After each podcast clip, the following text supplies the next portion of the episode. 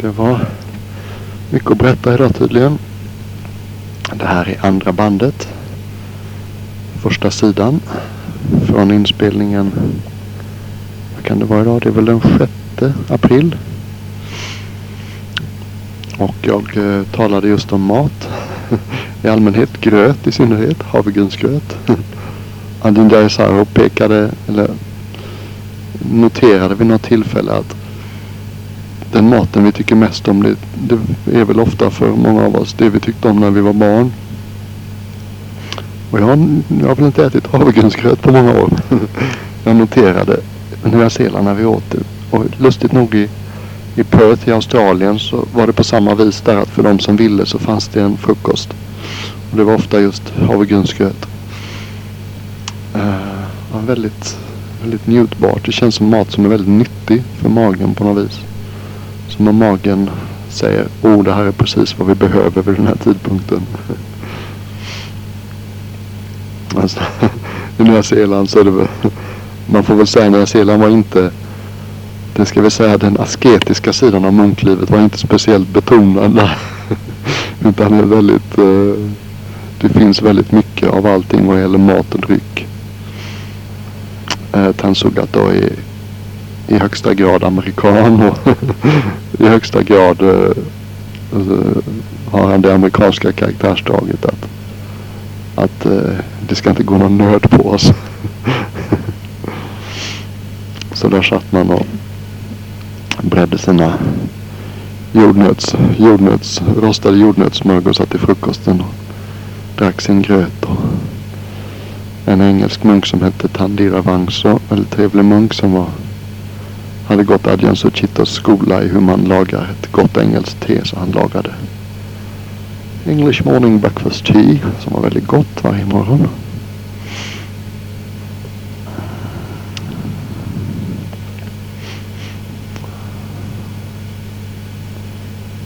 Den största matupplevelsen från Perth det var nog det var nog en kaffeupplevelse den här sista dagen när vi satt på det här glamorösa gatukaféet och tittade på folklivet med tant Chandaka och hans pappa och hans pappas eh, eh, nya fru. Så ordnade hans pappa två varsin dubbel, dubbel, vad är det det svarta kaffet heter? Espresso. Och när vi hade druckit upp den så drack vi varsin dubbel espresso till. och sen var vi Sen var vi väl så höga som en buddhistmunk kan bli inom råmärkena för munkdisciplinen vi var ganska pladdriga. Jag tror vi satt och pratade med varandra halva natten. Och, och sen var vi uppe. Jag tror jag gick upp i två och började medda. och tant Chandako gick upp i halv tre, tre och började medda.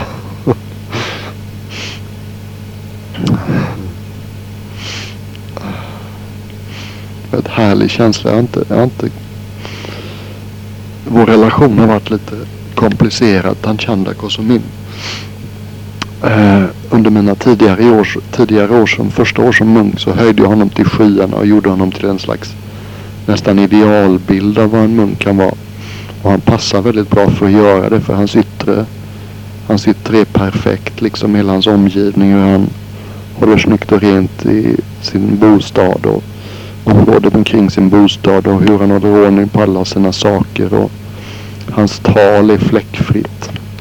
Han faller aldrig in i irritation eller klagan utan är liksom alltid oklanderlig. Och så dessutom har han den här begåvningen som är så sällsynt bland västerningar för, för koncentrationsmeditation. Så att han får väldigt mycket glädje och skärpa från det. Och så är han väldigt trogen den klassiska thailändska skogstraditionen och har spenderat mycket tid med många av de stora mästarna i Isan inte speciellt intresserad av den västerländska sidan av skogsmunkslivet utan trivs bra i, i Thailand. Och då och då så tog han med mig på besök till några av de här stora mästarna. Bland annat spenderade vi en månad tillsammans för några år sedan. Hos Lumpo Li som jag säkert berättade om vid tillfälle. Men, eh, men jag, jag har märkt det med mig själv att jag har haft en liten sån här, vad ska jag säga, hjältedyrkan tendens att en del munkar de sätter upp på höga pedestaler Och eh, som, som det alltid är så det som man sätter väldigt högt upp det faller ner så småningom. det finns eh, gravitationslagar inte bara på det fysiska området utan även på det känslomässiga området. Och så småningom så kom vi inte överens och jag kände att vår relation var inte speciellt bra. Och såg inte mycket av varandra och hade inte så mycket att säga varandra när vi sågs under ett eller två år. Men när jag kom till Perth nu så hade väl jag hittat eh, mer egen integritet och var inte så beroende av honom längre. Och hade hittat mitt eget sätt att träna för jag kände väl alltid att jag var inte så himla jag var inte så himla begåvad på mycket av det som han hade hittat och som var hans källa till glädje och styrka i munklivet. Men jag har hittat lite andra former att träna. Lite andra meditationssätt och lite andra betoningar i min träning. Och lite andra attityder som har fungerat för mig. Så nu var det liksom lite mer två vuxna istället för en vuxen och ett barn som möttes.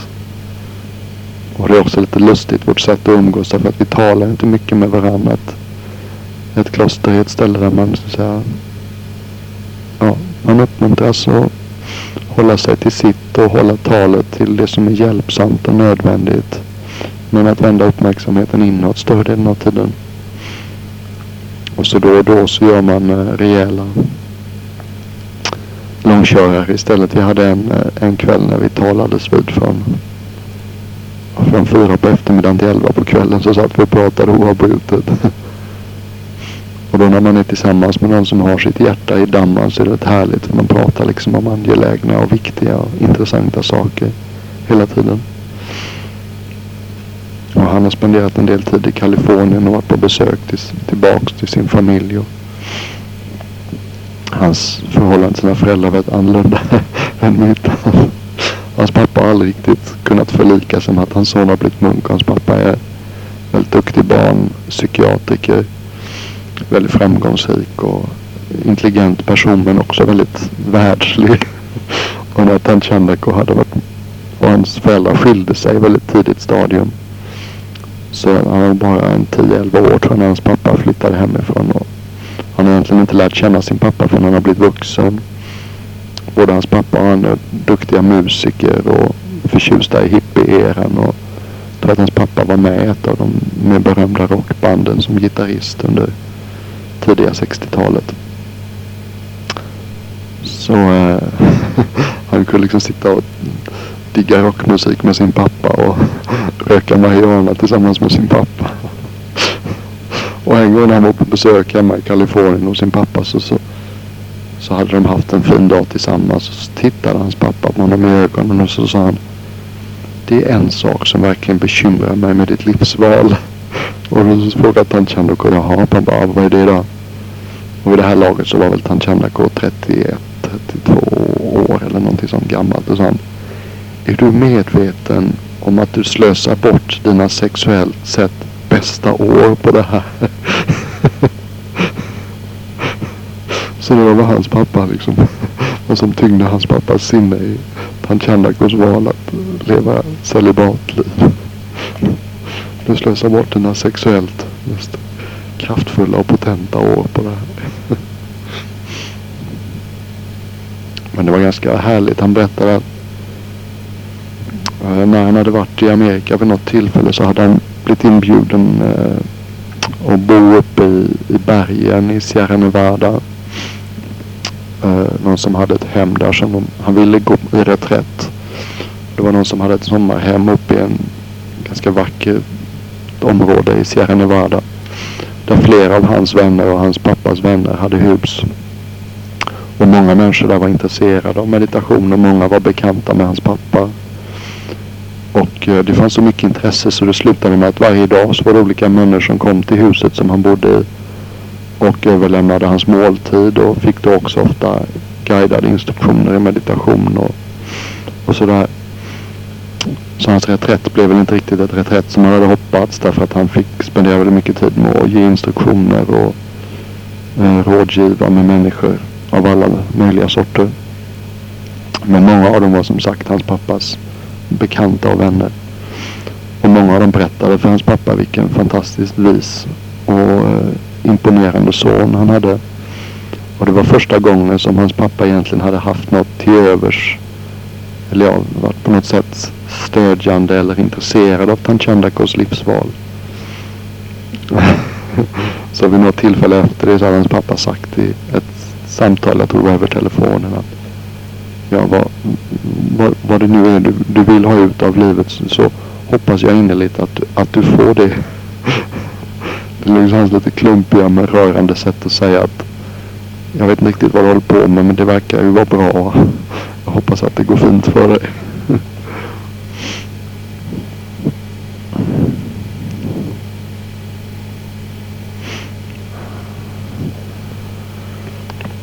Jag tror att det börjar bli dags. Klockan är snart halv åtta och klockan åtta har vi kvällsmöte. Vår abbot Adjan Jeff han åkte till Thailand i morse. Vi hade väldigt mysigt igår kväll. Den sista, sista natten med gänget. En av de thailändska munkarna är stjärna på massage. Så han gick över Adjan Jeff med sina armbågar och starka händer. Och Adjan Jeff låg och stönade på golvet av smärta emellanåt och samtidigt så berättade han och vi pratades vid. Han och jag och Jesse satt och talades vid. När massagen var över så satt han kvar ända till midnatt. Det var säkert över tre timmar som vi bara satt och snackade. Väldigt mysigt samtal. Och mycket att berätta och ett långt och spännande liv bakom sig. Jag skulle gissa att han är den mannen i hela Amerika som är mest välinformerad om vad buddhan egentligen lärde ut. Tyvärr får man väl säga att mycket av buddhismen som finns i Amerika den är antingen direkt missvisande eller väldigt ytlig. Ajahn Amara, våran, våran vice abbot i Abayagiri, klostret där, den passar är han kallar det amerikansk buddhism, han kallar det för buddhism light. Allting är light här. De har lätt yoghurt och lätt margarin och lätt det ena och lätt det andra. Så lätt buddhism. Jag rekommenderar verkligen att, att titta på den här CDn som jag skickar med.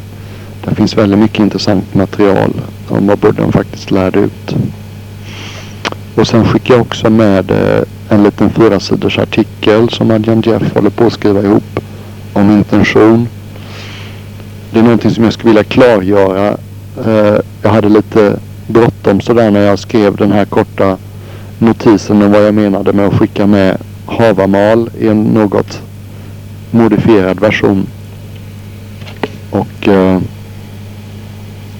vad, det hela, vad det hela var så var det helt enkelt så att jag ville på något sätt kommentera eh, pappas goda vilja och generositet när han hjälpte till med att ordna biljetten till San, San Diego.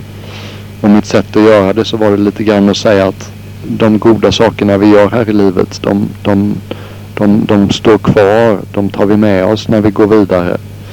Och det var därför jag gjorde en liten lätt ändring av sista raden i versen från Havamal som pappa tycker om att citera. Och som ni mycket väl vet och så är det då en av Buddhas upptäckter. Det var just att Eh, avsikten, intentionen bakom allt vi gör och säger och tänker. Det har en, har en effekt, det har ett resultat. Eh, och den här lagen som eh, skapar de här resultaten. Det kallas lagen om karma. Och det är en eh, underbar, en underbar upptäckt och vilket gör att universum faktiskt är rättvist även om det inte alltid verkar så. Och i det långa loppet så får vi allihopa alltid vad vi förtjänar. Även om det är lite komplicerat eftersom vi inte kan alltid ha klart för oss resultatet av vilka handlingar eller vilka saker vi gjort eller sagt eller tänkt som just nu kommer till mognad och förverkligas. Men i det långa loppet så vet vi alltid att om vi tror på Buddhas ord så vet vi att allt vi gör som har goda avsikter det kommer att leda oss till goda omständigheter. Och motsatsen gäller förstås också. Och det här missuppfattas ofta i väst eller det missuppfattas ofta i öst också. Och Adjan Jeff han skrev en liten artikel om det här. Om intentioner. Eh, som han bad mig att titta på. Och jag tyckte, tyckte om den och eh, tyckte det kunde kanske vara trevligt för er att eh, kanske speciellt för pappa eftersom vi har haft den här korrespondensen om Havamal. så kan du titta på den och se om den ger någon inspiration. Och sen skickar jag även med en liten bok som heter eh, Refuge. Sättet som Buddha definierade en buddhist på så var det någon som har tagit sin tillflykt eller tagit reträtt i Buddha Dhamma Sangha. Och den boken ger bland annat en idé om, om vad det innebär. Det vill säga den ger en idé om vad det innebär att anse sig vara buddhist. Och sen finns det också lite artiklar och essäer som Adjan Jeff har skrivit i olika forum. CDn är full av eh, material som Adjan Jeff har skrivit och mycket material från andra källor också. Eh, så den är intressant på många sätt och sen är den tekniskt väldigt väl eh, designad. Man kan liksom följa sina egna intresseområden väldigt enkelt på väldigt enkla sätt. Väldigt fina hjälpmedel när jag kommer hem så tänker jag spendera en hel del tid med att gå igenom den CDn och titta vad det finns för någonting och läsa det. Okej, okay. det var nog allt det. Hoppas att det här kan ge lite bilder och insikter i vad jag har varit med om de sista veckorna sedan jag lämnade Thailand. Det är drygt månad sedan nu jag lämnade den 4 mars ett av skälen till att jag ville göra det här kassettbandet det var just att på något sätt så ville jag att ni skulle kunna delta i vad jag haft för mig eh, under den här tiden som har möjliggjorts genom er, ert generösa gåva av den här flotta flygbiljetten. Och även om det kan verka frivolt att flyga affärsklass så har det under flera tillfällen så har jag känt att jag varit väldigt glad att jag har fått göra det till exempel mellan Wellington och Los Angeles som väl är den längsta flygningen på över 11 timmar. Då var planet fullt och det fanns ingen möjlighet att få ett uh, säte med en man eller ett ledigt säte bredvid sig. Men i och med att jag flög affärsklass så hade jag plats nog att kunna slappna av och när jag behövde gå ut och in till toaletten så var det inga bekymmer heller utan det fanns plats att göra det. Och även när vi har ändrat flygbiljetterna så har det också varit fint att man har haft en, en affärsbiljett som går att ändra. I Auckland så hade jag en del tid på mig innan flyget gick så jag stegade in på eh, affärsklass-loungen där med min affärsklassbiljett. väldigt vänliga folk i allmänhet är väldigt härliga när jag ber om hjälp. Där gick jag fram till en kille som satt där i någon slags kassa och så sa jag att eh, jag lever efter en samling regler som gör att jag kan inte ta för mig av mat och dryck alls själv. och sen har jag någonting jag kan hjälpa till med då. Så ja, en kopp kaffe det vore gott sa jag så han klev raskt fram till kaffeautomaten och ordnade en kopp kaffe åt mig. Och på planet med United när jag anlände på morgonen till San Francisco Då var det samma bekymmer där att jag visste att idag blir det bara en lätt flygplansfrukost. Jag kunde, jag, det fanns väl eventuellt möjlighet att man kunde ordna någonting med bissan men jag insåg ju också att det blir så sent så att det hinner nog bli tolv innan jag kommer igenom immigrations och allting. Men när jag bad om hjälp där så var det en av flickorna som bara sa men det är inga problem, det ordnar vi och så hämtade hon lite snacks åt mig där en tidig morgontimma efter gryningen hade passerat. Och så och när jag förklarade sådär att jag lever efter en a lot of funny rules that are very old. och när hon kom och serverade mat sa hon... The rules are not funny at all, they're just rules. På ett behagligt sätt. Typ en sån här amerikansk lättsam pragmatism som jag uppskattar allt mer. Ja. Det var väl allt för den här gången.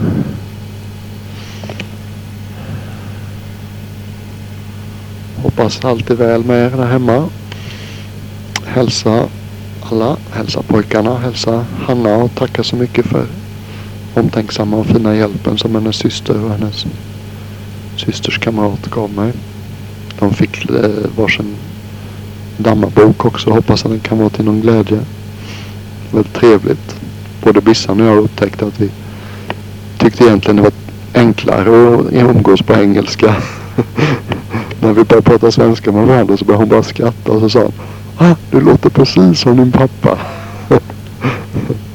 och jag har rätt svårt att få prata på svenska för det är så mycket som jag i min vokabulär som jag sagt många gånger innan som har kommit till de sista sju åren som jag helt enkelt inte har något ord för på svenska. Hoppas mamma och pappa haft en fin tid på Mallis. Hoppas att det har varit varmt och behagligt och soligt. Att ni har fått spela mycket golf och varit friska och levt i kärleksfull sämja med varandra och omvärlden. Hoppas pojkarna har det bra allihopa. Nu är det inte så lång tid kvar. När det här når så är det faktiskt mindre än en månad kvar till vi ses. Åtminstone mamma pappa och jag. Okej, okay, det var väl allt tror jag. Over and out. Ha det så gott. Måtte allt som är gott och ljust och vackert växa i era liv. Och måtte mörker, girighet och själviskhet och irritation, dumhet och förvirring och okunnighet smälta likt snögubbar i San Diego-solen. Hej då!